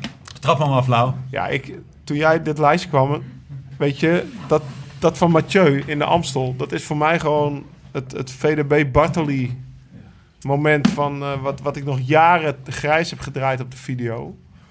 Op de Lage Doet in 99 Luik bij Luik. VDB en Bartoli. Ik denk dat dit ook plaat- gewoon over 20 jaar nog teruggezien wordt, die finale. Ik heb daar voor de tv gezeten. Of, ja, nou, Waar was ik je? lag op de Waar was je? Ja, volgens mij thuis op de bank. Ik lag gewoon op de bank. En wat gebeurt hier? Wat gebeurt hier? Wat gebeurt hier? Weet je wel? Ja, je ging steeds meer rechtop zitten, zeg maar. En op het laatst stond je voor die tv te schrijven. Het kan niet, het kan niet. Dus eh, ja, voor mij is dat gewoon het moment. En ik weet zeker dat aan de overkant van de tafel Thomas hetzelfde over denkt. Van, ja, Ja, stop Thomas. maar, weet je wel, met je, met je lijstje. Het geeft alleen... Nee, maar... Het ja, het geeft alleen aan wat voor mooi wielerjaar het was. Wat, wat er allemaal nog voor de rest eh, gekomen is. Dat je denkt van, jezus. Maar dan, dan, dan dit moment, ja. Ja, ongelooflijk. Net wat je zegt, eh, zo- zo'n moment. Kijk, VDB en Bartoli, Bartoli waren was natuurlijk heel onzinnig dat ze daar aan het aangaan waren. Even VDB zag ik trouwens, nu kom ik ineens op. In diezelfde docu zag ik dat boek van VDB op jouw bank liggen. Ja, Toen dacht ik, boem, boem. Laten we niet die kant op gaan. mooie, mo- mooie, spu- mooie spullen. Ja, Hè? Is, dat, is dat een renner die altijd eh, een streepje voor bij je heeft gehad? Want die eh, op links eh, zeker, bij mij ja, zelf nee, ja daar, daar ga je natuurlijk voor wielrennen. Voor dat soort mensen. Witte sokjes, brilletje, En lightweight, Kees was het? ja. In die. NBK-fiets. Ja. Ja, nee, ja, dat, en dan heb je Mathieu in zijn witte broek. Ja, en dat is gelukkig allemaal een stukje degelijker in zijn hoofd. En ehm, ja, nog, nog ietsjes beter dan VDB. ja, het is ongelooflijk. Ja. Ja, nee. Ja, ja het is heel bijzonder. Als je die sprint ziet, joh, dat kan gewoon niet wat hij doet. Dat kan gewoon niet, toch? Nee, nooit vertoond. Hoe kijken we daar over tien jaar op terug? Ik hoop heel goed Ja? voor de jongen. Wat voor toekomst zien we die gozer eh, hebben? Ja, nou, ik zie, ja, nee, je hebt het net over Evenepoel. Die heb ik gisteren eh, bij de Sportza nabeschouwing zitten bekijken van, eh, van het wielerjaar eh, 2019. En dat is ook wel een baasje wat aankomt. En dat, hij is toch, als we het hebben over zwaar of licht, toch, eh, Mathieu is toch vrij zwaar. Dus als je het hebt over de Tour de France winnen, dat zie ik hem niet zo snel Nee, doen. dat gaat hij niet doen. Maar voor de rest kan hij bijna alles winnen. Ja, Hé jongens, ja. Eh, Thomas de Gent, ik wil hem toch even noemen. Ja, hij begint ook steeds meer een legend te worden. Ook in, in de- hoe hij in de wielerwereld denk ik bekend staat. En de dingen die hij zegt. Ik Wat- is het afgelopen- aan die gozer? Afgelopen jaar reed ik nog de Ronde van Catalonië. En dan rijdt hij in zijn eentje voor. En dan weet je, het is Thomas de Gent. En we moeten hem niet te veel ruimte geven. En het is de allereerste rit. En het peloton houdt er rekening mee dat de laatste 40 kilometer naar, naar beneden lopen. Dus ze houden hem kort. En toch wint hij met een minuut voorsprong. Dat je de hele dag in het wiel aan het wapperen bent. Dat je denkt, hoe kan dit, weet je wel. En dan zie je later ook die wattages. Dan rijdt hij 350 watt gemiddeld of zo. Ja. De Geen, laatste, ja. geen de laatste gewone- 20 minuten 400, weet je, of, eh, of een uur. Weet, niet normaal. En dat doet hij in de Tour nog een keer, ja. Hoe kan het dat iemand zoiets kan op één dag, maar niet meerdere dagen achter elkaar? Is dat gewoon fysiek? Of is het Nou, hij is een keer derde geworden in de Giro, hè? ja. Ja, Dat kan je wel. Ja, Ja, dat is, weet doet- zelf dat grote... niet jaar in, jaar uit, zeg maar. Het is Nee. wel iemand die zijn ritten uitkiest. Nee, ja, ik denk dat je dat ook op die manier... Ik denk ook... Maar toen Ja. hij, hij werd toen derde in de Giro en dat kwam.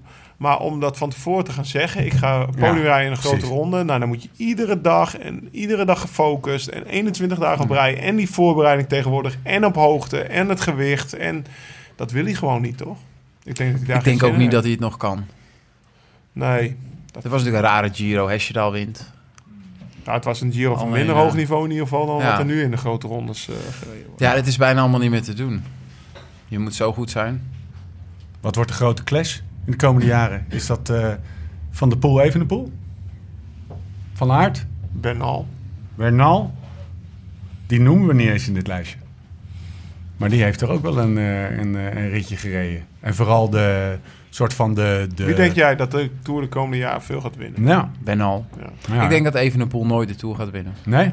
nee. Zag je hem gisteren glunderen toen... eh, toen eh, Ah, het is wel een baasje. Toen de vraag werd gesteld. Thomas Dekker 2 wat dat betreft. Zo. toch? Ja. Als je zijn, eh, als je zijn grote mond ziet en dat hij even vertelt dat hij op stage iedereen eh, even af liet zien, zeg maar. Ja. Dat deed ik ook, 18 hè, mijn jaar. eerste stage. Ja.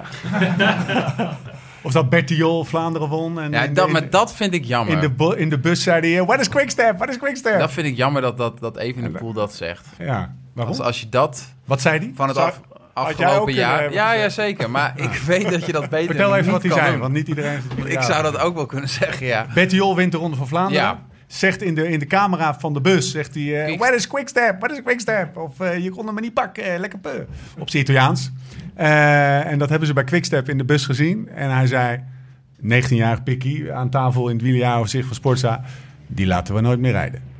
Ja, en het is natuurlijk een eh, manier als een topsporter op rancune rijdt. Ja, En eh, ja, dat is natuurlijk Lefebvre zijn, zijn tactiek. Hoe, Trademark. hoe hij met de mensen omgaat en hoe hij zijn ploeg samenstelt.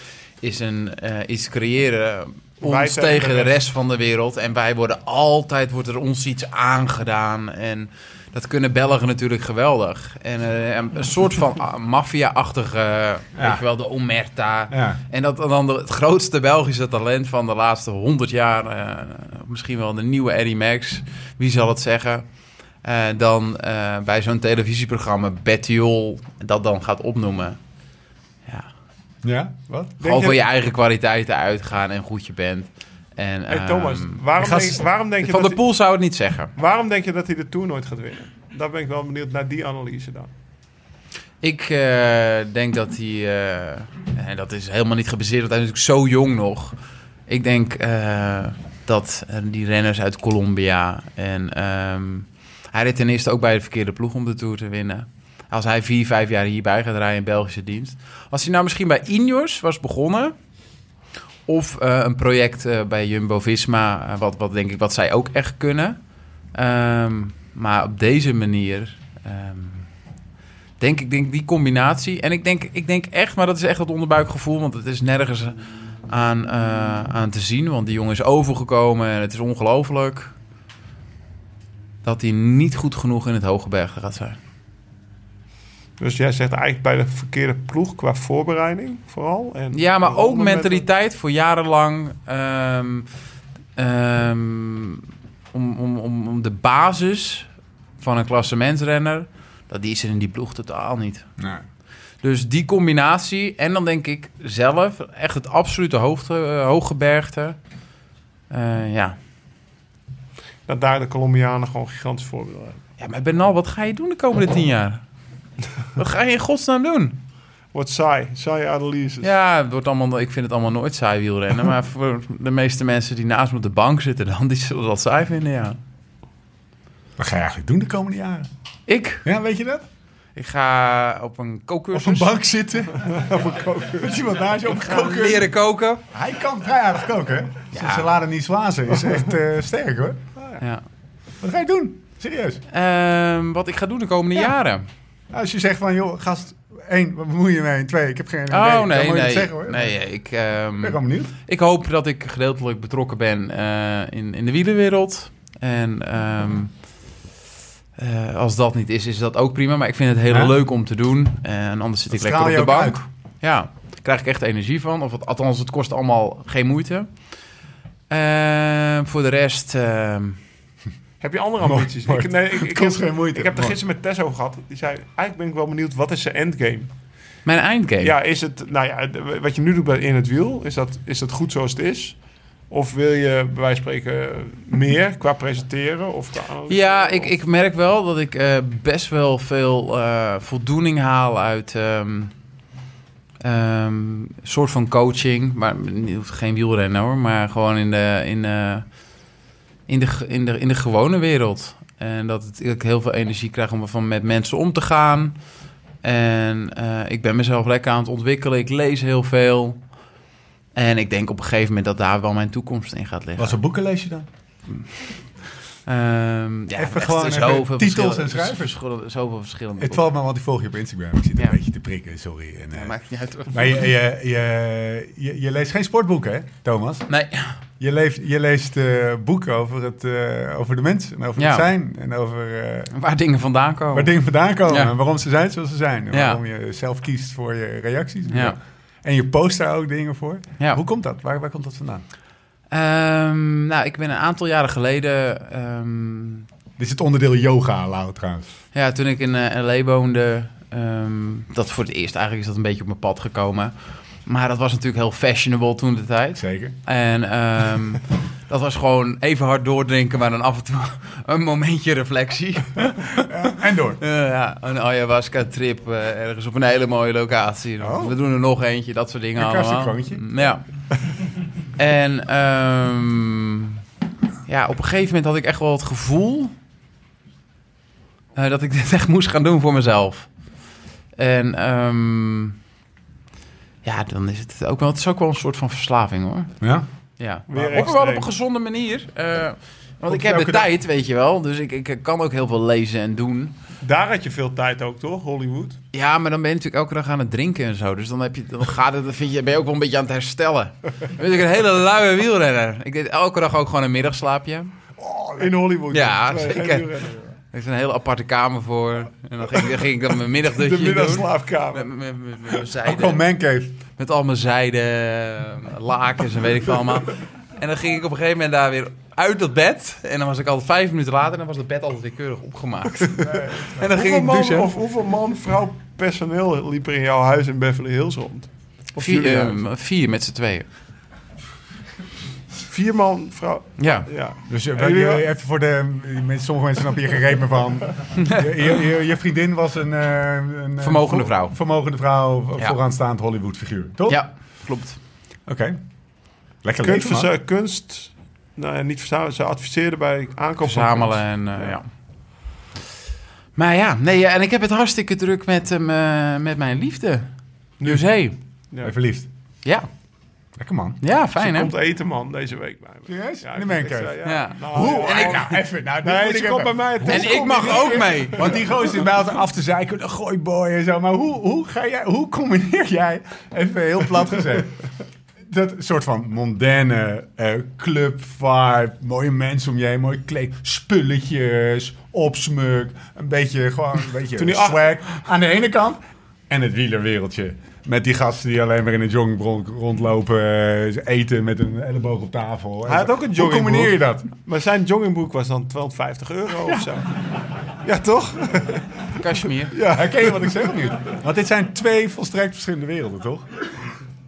Ja, maar ja, dat, dat, dat wieler, eh, dat, dat is natuurlijk zo hè? gigantisch sterk. Ehm, ja, het verbaast me hoe, hoe sterk dat is gebleven. Ja, Gewoon, ehm, laat je niet los. nee. Nee, en ik vind het ook echt op het, oprecht het leukste van wat ik doe. Buiten mezelf eh, ontwikkelen. En eh, ik heb geen andere dingen dat ik denk van dat moet ik gaan doen. Of daar moet ik... maar mooi. ik ga op een gegeven moment ooit weer een dag gaat er komen dat ik gigantisch druk ben met van alles en nog wat. Maar ik vind ook wel dat ik deze periode... Eigenlijk ben ik pas dit jaar gestopt. Want ik ben in januari teruggekomen uit L.A. Dus ik heb nooit het zwarte gat gehad. Nee. Dat heb ik het afgelopen jaar voor het eerst een beetje gehad. Jij ging maar door. Altijd maar door. Direct naar, de, naar Aqua Caliente. Ja. Waar we eigenlijk in het begin van de podcast over hadden. Je had niet verder daarna gedacht dan Aqua Caliente. Een week later eh, stopte ik met mijn koffers Was de, de mansion binnen in Beverly Hills. Dan ging je tussen de zijde lakentjes liggen. Ja, Weet je, je chakra's op alfabetische volgorde leggen. Egyptische linnen. Lekker man, Egyptisch linnen. Niks minder. Nee. hey, gozer, even ter zake. Eh 11 januari is eh, Egmond. Ja. En eh, Ja. ik heb gehoord dat jij daar eh, een keer Ja. tweede bent geworden. Ja. Ik heb daar... eh, Had je- we, hadden, we hebben ons We hebben je ingeschreven, dat is een beetje mijn punt. Ik zei de laatste keer, wat ik weet nog, Thomas die stopte, nou ja, bij Garmin Sharp denk ik dus, het moet dan 14 zijn geweest? Ja, eind 14, Beijing, laatste koers op de weg. En, maar de laatste keer, en eh, ik heb nog een Lombardije dat jaar met hem gereden. Dat weet ik ook nog, want dan werd jij gelost op de... Maar wij, had ik wel op kop gereden. We wonnen die Lombardije wel. Nee, maar is hij Het is werd gelost op de Gizal. Had ik op kop gereden. En toen weet ik nog dat ik jou voorbij reed. Ik dacht, verdomme Tom. En, eh, maar het jaar dat, toen hebben we nog wel echt tegen elkaar gekoerst in Egmond. Dat is de, de laatste echte koers die we... We draaiden samen volgens mij is een foto van bij Kastik op het strand op. Hij is een Garmin pakkie en ik in Belkin toen, denk ik. En eh, Ja, jongen. dat, we- dat, dat zal ik niet vergeten. En ik weet, nou ja, Thomas die, die, eh, die is in 2006 al een keer tweede geweest, volgens mij in Egmond. Achter Dekker. Ah, ja, achter Erik. 2006, Dekker, twee ja. dekkers. Beetjes Dus toen, eh, ja, nou, in, mijn, in mijn nood staat en ik weet, Thomas heeft een hernia. Ja, hij is nu Ja, maar ik serieus, want dat, ik vind dat wel echt... ehm, het gaat gelukkig een stuk beter. Ik denk ook dat die hernia er heeft gezeten voor een reden. Dat ik echt voor Oh. mezelf eh, wel eh, een soort van pla- Oké. pas op de plaats moest gaan maken. Om voor mezelf in ieder geval in mijn hoofd wat dingen te gaan uitzoeken. Het is natuurlijk ook weer heel makkelijk om elke dag te gaan sporten. Want daar heb ik ook de tijd voor. Ehm, maar dat ik, eh, ik zou het hartstikke leuk vinden om volgende winter... of wat, wat Laurens doet... Die strandraces. Ja, om af en toe dat soort dingen te gaan doen. Wat let je? Nou, mijn, eh, mijn hernia, die, Ja, die dat- bijna over is. Maar Oké. eh, het Dus loopt het een is beetje niet komende winter, maar de winter erop, Wat- denk je. Ja, dat denk ik wel. Kijk, want dat Ja. is wel echt wat ik... En de bitterballen, let, let ons misschien ook Ja. een beetje. Nee, maar dat is wel echt wat ik... Wat als ik dan toch terugkijk op Thomas' eh, leven van de laatste, nou ja, vier, vijf jaar. Of daarvoor zelfs al. Kijk, zoals ik Thomas leerde kennen, was het gewoon een fucking liefhebber van de fiets. Maar ook van trainen. Hè. Ik, ik, heb, ik ken geen junior die harder ooit heeft getraind dan Thomas. Nee, nee, het is een trainingsbeest geweest tot en met. Hij reed, nou ja, ik weet niet hoe, hoeveel, hoeveel kilometer had die scooter van je vader op te tellen? Een bitterbal aan het. Ja, Eh, Jonne wordt helemaal loco. Nou, dit zijn eh minpunten, boys. Ehm, nou ja, ik was gewoon op mijn, op mijn 16e, 17e, 18e heel gemotiveerd. En ik denk dat op mijn 16e mijn vader die scooter kocht. En ja, op mijn 18e dat er dan 30, 35.000 kilometer bedoel op ik. achter een scooter, hè? dus buiten zijn andere trainingen. Dus gewoon... En hij ging naar Limburg en hij, alles was de fiets voor hem. En dan stopt hij en nou ja, dan gaat het weer heel extreem in het feesten. En dat is wat ik jammer vind, want ik stop nu ook. Ja, en ja. Ik toch, toch kan ik me niet voorstellen om niet te fietsen. Jouw daar- drijfveer is nog steeds fietsen. nou, daar krijg ik ook die haaien uit, weet je. Ik heb vandaag dan... eh, nou ja, je hebt, I- we hebben het al over ayahuasca gehad hier Ja. een keer in de podcast. En eh, drank, drugs, weet ik veel. Maar ik heb vandaag vijf uur gefietst met die windjam. Dat is 160 kilometer. Ik zit op de bank en gewoon lekker... Nou ja, dat lekkere gevoel, Ja. dat herinner jij je ook nog wel. Ja. En ik Dat- hoop gewoon dat je dat ook in het fietsen terug kan vinden. zeg. Ik denk het wel hoor. Ik denk ook echt wel dat het tijd is eh, gekomen om... eh, ehm, Hm. Ja, Mooi. ik heb ook een soort van, een soort van rust wel gevonden. Ja, dat we gewoon wel lekker samen een rondje Herken, herken je dat, wat hij nu beschrijft? Dat gevoel? Van dat je Zeker, vijf uur hebt zeker. getraind, dat je lekker Ja. op de bank zit, je hebt gedoucht, je hebt je jongbroek aangetrokken. Maar ja, jullie moeten ook even, er even Ja? over, over, over nadenken. Eh, mijn hele wie- wielercarrière is natuurlijk geëindigd als een of ander traumatisch Ah. iets, hè? Ja, nou, dat vergeet ik. Snap je? Het heeft mij alles gebracht, maar het heeft me ook bijna doodgemaakt. Ja. Ja. Dus je was er ook even klaar mee. Nou ja, dat leven wat ik in eh, LA aan het leven, dat, ja, dat kon daar echt niet bij. Dat was echt professioneel eh Zelfdestructie. jetsetter. Stond op je kaartje ook. Ja, Classic. voor al uw eh, feestjes. Maar, Maar wat is dan nu dat je zegt van, je zegt ik heb rust gevonden? Hij zat altijd te lunchen met... met uh, hoe heet, Hilton? Nee, ja, hoe heet het? Nee, ja, ja, die- met die- die alleen. Aaster hoor. Serieus? Ja, Ja, zeker. Maar ik vind Thomas Dekker ook een. Ja, Hey, heel zonder dolle, hoe, wat, wat is het dan, wat je zegt, ik heb nu rust gevonden, maar wat, wat is het dan dat je nu, dat je gaat dus, je zegt eigenlijk van, ja, dit is wel weer het moment, dat gevoel wat jij nu beschrijft, dat vind ik eigenlijk best wel lekker. En dat mis ik. Ik denk ook wel dat ik dat gewoon de fiets spring. binnen een jaar eh lauwe kan opleggen. Ja. lekker, lekker, lekker, lekker Thomas. We hebben een wet al. Eh, had je nu een bepaalde dag in gedachten? Pik. Nee, maar Thomas Catalan. Egmond 2000. Zullen we gewoon eh, Egmond 2021? 21. 21. Showdown. Showdown. Er zitten hier een paar strandraces in de zaal. Kijk. Ivar Slik. Maak ze kapot. Je komt zo meteen nog, je komt zo meteen nog eh, aan, eh, aan, eh, aan bod. Jasper Okloen, ook geen onverdienstelijke strandracer om op zijn minst te zeggen. Komt ook zo meteen nog aan bod. Maar oké, 2021, showdown. Ja. Motherfuckers. Goed man. Eh, pap, pap, pap. Spreek je... eh, nee, eerst even terug naar Egmond. Want wij hebben een, mensen die hier in de zaal zitten... en denken, fuck it, ik wil eigenlijk in 2020 en 2021... maar vooral in 2020 wel meedoen. En mensen die luisteren... aan Pier Egmond. Egmond Pier Egmond. Dat kan. En als je nou je inschrijft, hebben een kortingscode. als je nou je inschrijft, tot en met 30 december. Ik zie mensen al hun mobieltjes pakken. Als je nou je inschrijft, krijg je 25% korting. Als je gebruikt de code Laurens25. Nou, hey, makkelijk onthouden. Dus als je deed, Thomas is meteen al aan het googelen. Pak je, pak je korting. Code is te gebruiken tot en met 30 december. Thomas. En C, alleen op bitterballen. Voor meer info www.egmondpieregmond.nl Zullen we langzaam gaan afronden? Ja, Ja? we kunnen We misschien... hebben een Ik paar zie Jonne in luisteraars. stemmend knik. We hebben een paar luisters, luisteraars. We hebben een paar luisteraarsvragen. Ik heb als enige toch een bitterbal. Eén, één lu- Nee, kan het ik hoor vooral, als er doorheen gepraat wordt, hij trekt de tek niet.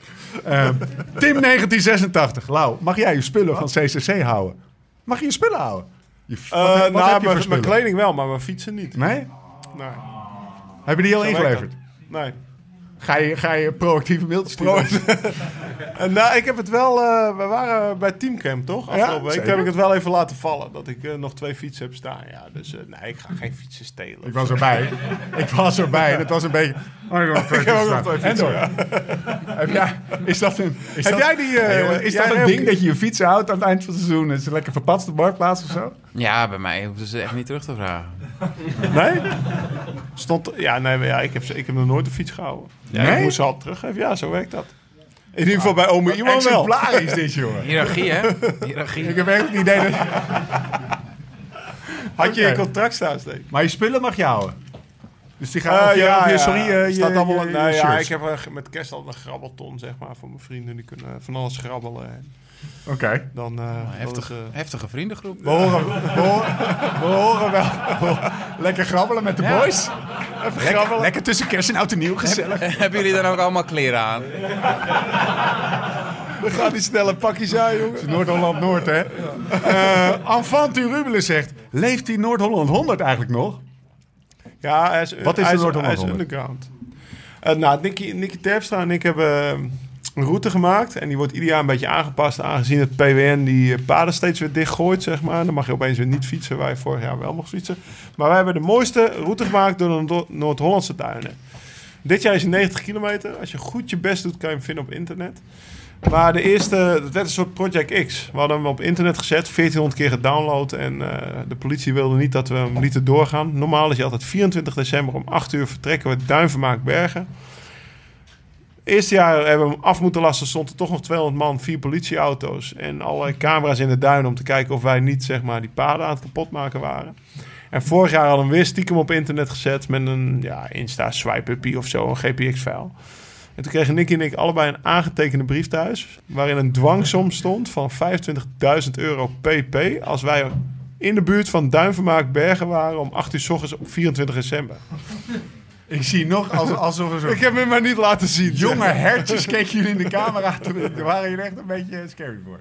Nou, hebben, we- hebben we niet gedaan. Nee, ja, eh, ik bedoel, ja, als ze dat soort dingen doen, ik zeg, Nick, doe het maar gewoon niet. Want ze wil het gewoon echt niet hebben. Anders gaan ze dat niet... eh, Ik zou er dan vroeger wel geweest zijn. Ja. Maar eh, Ze moeten hij, je eerst nog maar pakken. hij, hij is dit jaar 90 kilometer. Ja, dat is waar. 90 kilometer. En ik hoor... eh, Ik heb hem gisteren gereden. Hij staat op mijn Strava. Maar het is ook gewoon koersen. Dus jij, rijdt gister, gisteren 90, vandaag 160. Ah, Ja, je bent is echt al serieus bezig. he's back. Nou, Ik heb gewoon de drie dagen kapot ge- afgezien bij die gozer in het wiel. De eerste dag dat hij thuis was, zegt hij zo, eindelijk weer trainen. Ja. Dat was een eh, moeilijk eh, momentje. voor Nee, maar eh Noord-Holland 100 bestaat. eh, maar het is nu een beetje via privé-appgroep. Er is niks eh, officieels. Weet je wie hier vandaag ook is? nou, ik noemde om, hem al om even. 8 uur bij het duinvermaak. Ja. Ja. Thomas is erbij op straffen van 25.000 euro dwangsom. Eh, weet je wie er vandaag ook is? Ivar Slik. Waar ben je? Ik wil even een applausje voor je. Want die gozer... Nee, oké. Die gozer die heeft een koers gewonnen. Ivar, chapeau. Je krijgt de kudo's van ons allemaal. Eh, Europees ik- kampioen strandrace, hè? Europees kampioen strandrace. Ivar, jongen.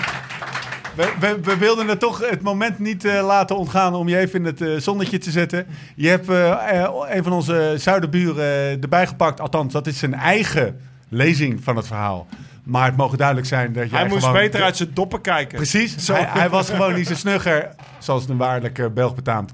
En hij heeft eh, de koers gewoon eh, van zijn bordje laten eten. Jij was er. Ehm, je, hebt, eh, je hebt de bijnaam, daar hebben we het vanavond over gehad, Mr. Shortcut gekregen. Omdat je gewoon rechtdoor bent gegaan. Waar anderen een, een of ander infantiel bochtje namen.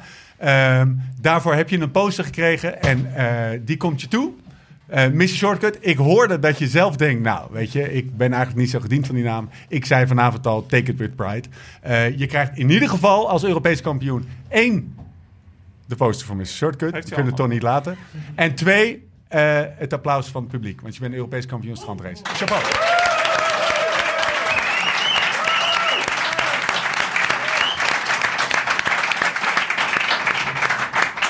Oh, kijk, hier, we hebben nog iets. Ik weet niet eh, hoe we dat in een vat gaan gieten. Nee, dat, daar moet ik even over nadenken. Maar dat doe ik op het moment dat ik eh, lekker aan het praten ben. We hebben namelijk rectific- rectificatie. En het is beleid. Thomas, moet even opletten. Dit is echt ziek, jongen. Ehm, we hebben beleid helemaal niet aan rectificaties te doen. Want eh Laurens roept altijd van, nou ja, fouten maken we niet. Lang verhaal kort. We hebben het de vorige keer over de, eh, het wereldrecord. Lau, even opletten. Het wereldrecord? Echt, nee, maar het wereldrecord. Het, het, het, en dan moet ik het even eh, goed zeggen. Het highest annual mileage record in een jaar. Oh, daar hebben we vorige podcast Hebben we het over gehad? Ja, dus een beetje dubbel op. Annual mileage record. Maar het gaat erom. We hadden het erover. Dat, we hadden het over waar, het Ik zei over. 65.000 kilometer. Nou, Oké, dan krijg ik dus van Hen- Henrico Kisteman. Misschien is hij hier wel, weet ik niet. Maar hij zegt: Gasten, even serieus. Amanda Coker heeft het Hammer, het highest annual mileage record. Wat denk je? Even serieus. Ja, 65.000 kilometer. Lau, 139.126 kilometer in een jaar. Dat betekent, voor de snelle rekelaar onder ons, dat ben 300 jij, kilometer per dag. 381 kilometer per dag. Nee. 300, en, en het is, eh, ja, ik weet niet waarom ik dat erbij zeg, maar ik zeg het toch even, het is Amanda Coker. Dus het is een, het, het is een vrouw. hey, Nee, blijf van mijn fortje. 300 per dag, man. Dit is wat Races Blog zegt. En het wordt nog bijzonderder. Ze heeft namelijk het grootste deel van die kilometers op hetzelfde rondje van 11 kilometer gereden. Dat is 34 rondjes per dag. En de snelste tijd op dit rondje was 14 minuten 46 seconden. Als ze precies diezelfde snelste tijd zou aanhouden op dit rondje, wat natuurlijk niet, niet zo is, want dan zou ze, eh, ze moet ook eten en zo, eh, dan zou ze meer dan 8,3 uur per dag op de fiets zitten. Het lijkt me dat deze vrouw wel een bureaulootje verdient. soort van ze heeft alleen geen tijd. Fuck, Ze heeft ja. alleen geen tijd om het. eh, Ja, Jack die had al OCD. Onze laatste podcastgast. Die heeft ooit 50 in een jaar gereden. Wat is jouw- 50.000? Ja. Ja, wat, Wat is jouw wat is jouw hoogste? hoogste? Ja, precies. Ja, ik denk gewoon 30, 32, 33 een keer volgens mij. Dat is ook veel hoor. Wat is jouw hoogste? Nou, ik had voor dit jaar op Strava had ik eh 32.000 als doel gesteld. En ik lag altijd echt vet ver voor. Dus ik dacht, nou, dat hou ik makkelijk. En vandaag zat ik er weer eens op. Er ligt 135 kilometer achter op schema. Dus eh moet nog even doorfietsen. fiets naar huis. Oké, mensen, lauwt op de fiets naar huis. Dat is voor iedereen beter. Mocht je vragen of opmerkingen hebben, schroom dan niet. We zijn inmiddels natuurlijk ook per mail beschikbaar. Podcast at. Maar natuurlijk ook via Twitter en Insta. At Laurens en Dam. Thomas Dekker. At Thomas Dekker. At Thunderbolt. We zijn www.liveslowridefast.com stap voor stap aan het verbeteren. Mocht je nou niks willen missen, belangrijk ding, ook voor de mensen in de zaal, meld je even aan voor de nieuwsbrief. Dat kun je doen door even naar de site te gaan en je mailadres achter te laten. Geen gestalk, geen dagelijkse mailtjes met eh, fratsen. Maar gewoon als er iets nieuws is wat het melden waard is, zeg ik even de luisteraars thuis tegen de mensen in het publiek. Dan krijg je daar gewoon een, eh, een, eh, een eh, updateje voor. Datzelfde geldt voor het YouTube-kanaal. Daar moet je ook vooral even op, op abonneren. Komt die film en je moet een review online?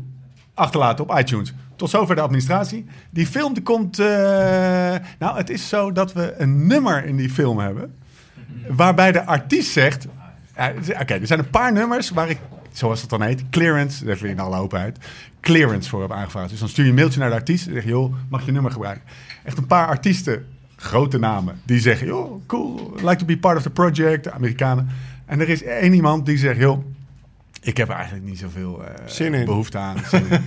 en die figuur, die ga ik eh, de totale film sturen. Hoe heet die man? Ja, dat, eh, dat ga ik niet zeggen, want ik denk, ik ben... Dan fiets ik er een keer langs. Maar dat, en, en het ellendig is, en de- die veren steken hem even in zijn reet, dat is het mooiste nummer van de hele, hele, hele film. Dus als je de film, die komt dus, eh, fuck it, we gooien hem gewoon online en ik krijg wel ergens de, de, de, de Gestapo achter me aan. Als je dat nummer hoort, denk je, oké, die is illegaal. ik weet niet waarom ik dit zeg, want er leeft alleen maar shit op. Maar dat veel te zijn. Oké, eh, morgen trainen. Jij gaat morgen trainen, want over eh, een jaar en eh, pff, een maand moet jij... hoe, hoe, hoe zwaar ben je dan, denk ik? 69? Zo? Dit schrijf ik. nee, even, even serieus, maak even concreet. Je staat die ochtend, sta jij in de fucking ijzige kutkou op het strand... Of op de boulevard bij Egmond. ik denk Jij dat- denkt echt, wat de fuck ben ik aan het doen? Ik Hoe zwaar dat ben het je al dan? best wel goed is dat ik gewoon op dat moment meedoe, toch? Ja, dat gaat nee, mij ik, kloppen. ik ga wel in de buurt van, van Lau proberen. Nee, maar nee, hoe zwaar ben je dan? 70, denk ik? 70? Het is 71? wel echt... Dat zou mooi zijn. Hoe zwaar ben je dan ben ik echt een degelijk, spiritueel, geland persoon. Hoe zwaar ben je nu? Nu ben ik 81. Inderdaad, 10 kilo eraf. Dat lijkt me een uitstekend uitgangspunt, eh, Thomas Dekker. Als ik het wil... Ja, Ja, het zit in je. Het zit in je. er zit heel veel in me nu. Heel veel kilo's. Hey Tom, wil je nog een bitterballetje? Ja, Ik durf het niet meer te kauwen. Shit is going down. Lekker. Ehm, dank, Thomas. Ja, was een leuke, was. eh, leuke podcast. Ga zo door, jongens. Ja. Dus misschien moet je een keertje luisteren. Ja. Wel zo. Ik luister wel naar jou. Dat geldt fijn. terzijde. Ehm dank kaptein. Voor having. Fijn dat we hier eh, een avondje kunnen zijn en dat het een half uurtje eerder dicht ging. Zodat in dat ene half uurtje misschien niet die twee S-works eh, over, de, over de toonbank gingen. Hey, Dank jongens, hey. heel coulant van jullie. Hey, ik heb iemand meegenomen Hij heeft eh, en die heeft er eentje gekocht. omzet binnengebracht. Ja, hey, maar dat is ook Thomas Dekker. Dames en heren, dank aan iedereen die hier vanavond aanwezig was. Het was. We vonden het best een beetje spannend, zo live en zo is ook een beetje gek. En we moesten zo zitten in plaats van dat we tegen elkaar lang verhaal kort. Dank, tof, supercool, bedankt voor alle reacties. Eh, dit gaan we vaker doen en vooral lekker uh, ampetie comité. Lau, hoe, gaat, hoe laat gaat morgen de wekker, gozer? Want we zijn in trainingen. nee, nee, morgen ga ik schaatsen met de kinderen, man. Ook belangrijk. Dan, ik heb mee schaatsen, Tom. Hey, op de meent, zoals vroeger. Lekker in Ik zit echt te wachten tot gewoon me stoppen dat ik zo'n bitterbal kan gaan opeten. jongen. Sluit hem af, de bitterbal. Tot de volgende keer. Hoe dan ook, waar dan ook. En voor de tussentijd. Live slow, ride fast.